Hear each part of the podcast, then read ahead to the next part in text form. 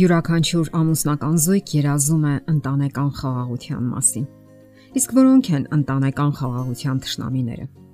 Անհանդուրժողականություն։ Բնավորության այս գիծը դրսևորվում է մարդու ողջ կյանքում եւ իր գագաթնակետին է հասնում ընտանեկան կյանքում։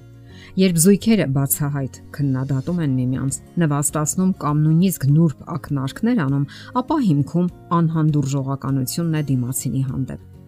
Դեմքի ոչ խրախուսող արտահայտությունը, մոխրացնող հայացքը կամ երկիմաստ հոգոցները parzorosh վկայում են դժգոհության մասին։ Դա նշանակում է չընդունել դիմացինի անհատականությունը եւ ազատ դրսևորվելու նրա իրավունքը։ Անհանդուրժողականության առավել հաճախ հանդիպող արտահայտությունը հանդիմանությունն է։ Սողոմոնի Մաստունը գրում է անդադար ծլծլոցը, անձրևոտ օրը եւ կռվասեր կինը իրար նման են։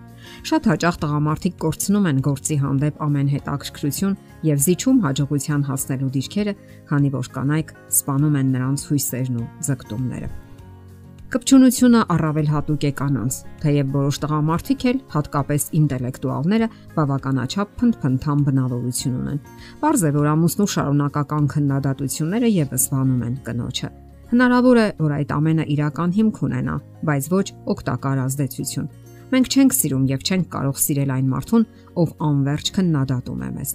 Փոխադարձ հանդիմանությունները կամ լեզվակռիվը լարված մտնոլորտ են ստեղծում տանը, եթե անգամ հիմքում բարի նպատակներ են, որպես հետևանք արագ կան հետանա կողմերի միջև փոխհմբռնումը։ Դրա արդյունքում տղամարդը կարող է դառնալ բացահայտ ճշնամական ու կարծր, իսկ կինը սառը, խորթացած, դրսևորելով իր բողոքը երկարատև լռությամբ եւ կվճարի նույն դրամով։ Արդյունքում ամուսինները կսկսեն քիչ շփվել միմյանց հետ, ապրել մի հարկի տակ, սակայն շատ քիչ զրուցել որևէ նշանակալի հարցի վերաբերյալ։ Իսկ եթե անըմբռնողությունը չափազանց հեռու է գնում, կողմերից մեկը փորձում է կարեկցանք որոնել մեկ ուրիշի մոտ։ Ահա թե նաև որտեղ են թաքնված ամուսնական անհավատարմության պատճառները։ Ասենք որ երեխաները նույնպես տարապում են լարված իրավիճակներում։ Նրանք գուցե չհասկանան խոսքերի իմաստը, սակայն տան մթնոլորտը, ծնողների խորհրդավոր լռությունը, մռայլ տրամադրությունը հուշում են, որ տանը ինչ որ բան կարքին չէ։ Երեխայի մոտ առաջանում են տագնապներ եւ նյարդային բռնկումներ, եւ արդեն սпарնալիքի տակ է երեխային այնքան անհրաժեշտ անվտանգության եւ պաշտպանվածության զգացումը։ Տղամարդու համար դժվար է սիրել իրեն հավերժ հանդիմանող կնոջը։ Նրա կպչուն խոսքերը եւ չդադարող հանդիմանությունները հիշեցնում են իր մանկությունը,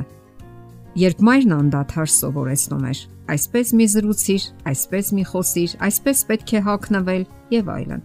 Եթե դուք ամբողջ ժամանակ նվաստացնում եք ձեր ամուսնուն, միթե կարծում եք, թե նա կարող է սիրել ձեզ։ Նրան հրահրելու փոխարեն պետք է սիրել ու խրախուսել Նույնն է նաև կնոջ դեպքում։ Ցավալի է, երբ տունը մաքրելուց, երեխաներին խնամելուց եւ ամուսնու համար ուտելիք պատրաստելուց հետո միակ ապարքևը լինում է քննադատությունը։ Ամուսինները պետք է հաշվի առնեն հոգեբանական այս նրբերանգները։ Մարդու հիմնական պահանջն այն է, որ լինի ընդունված, այնպիսին, ինչպիսին կա։ Իսկ երբ այդ պահանջը չի բավարարվում, մենք մեզ հանգիստ չենք զգում։ Չէ որ վիրավորվում եւ վնասվում է նաեւ մեր սեփական արժանապատվությունը, իսկ դա ներքին բողոք է առաջացնում։ Սկզբում բողոքը դրսևորվում է խոսքերի մակարդակում, հետո գուցե լռության, հաղորդակցության բացակայության, մերժվածության, զգուշավորության տեսքով։ Սակայն գործը կարող է լրջանալ եւ չգնահատված լինելու դեպքում հավանական է, որ մարդը ձգտի ժամանակ անցկасնել տնից դուրս եւ որոնել մեկին, ով կընդունի եւ կսիրի իրեն այնպիսին, ինչպիսին ինքը կա։ Իսկ այդպիսիք միշտ կճարվեն։ Խռովությունն ու բողոքը մարդուն դրթում են ճանաչում գտնել ցանկացած գնով։ Այո, այդպիսին է մարդու բնույթը։ Մի անգամ երկու նավարկողներ որոշեցին շուրջերկրյա ճանապարհորդություն կազմակերպել, որ գտնեն իրենց ճակատագիրը։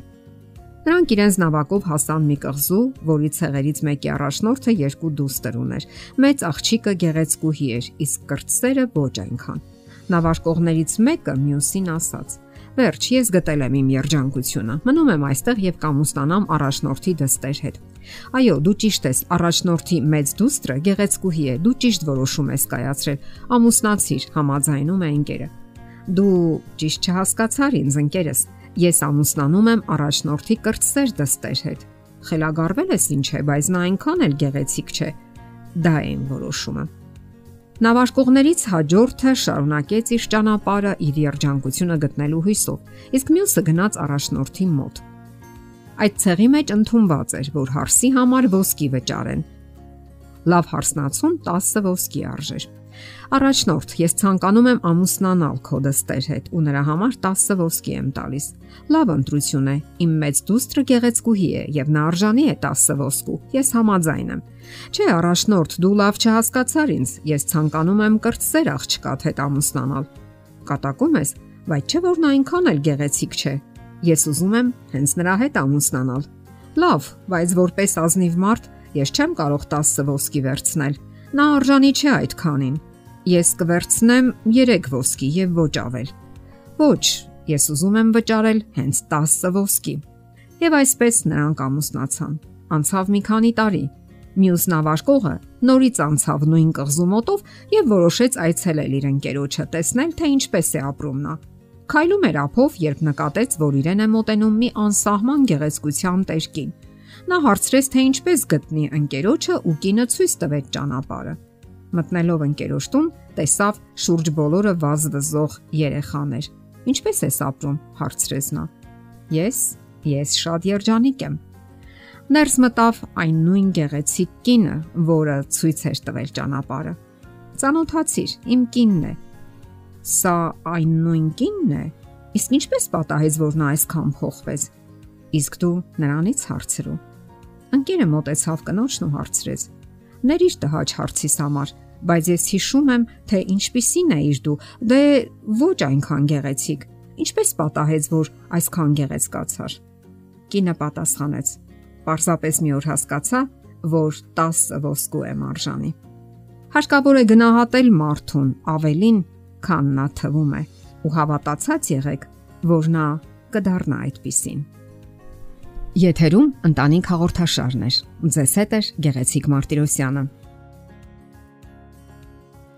Հարցերի եւ առաջարկությունների համար զանգահարել 033 87 87 87 հեռախոսահամարով։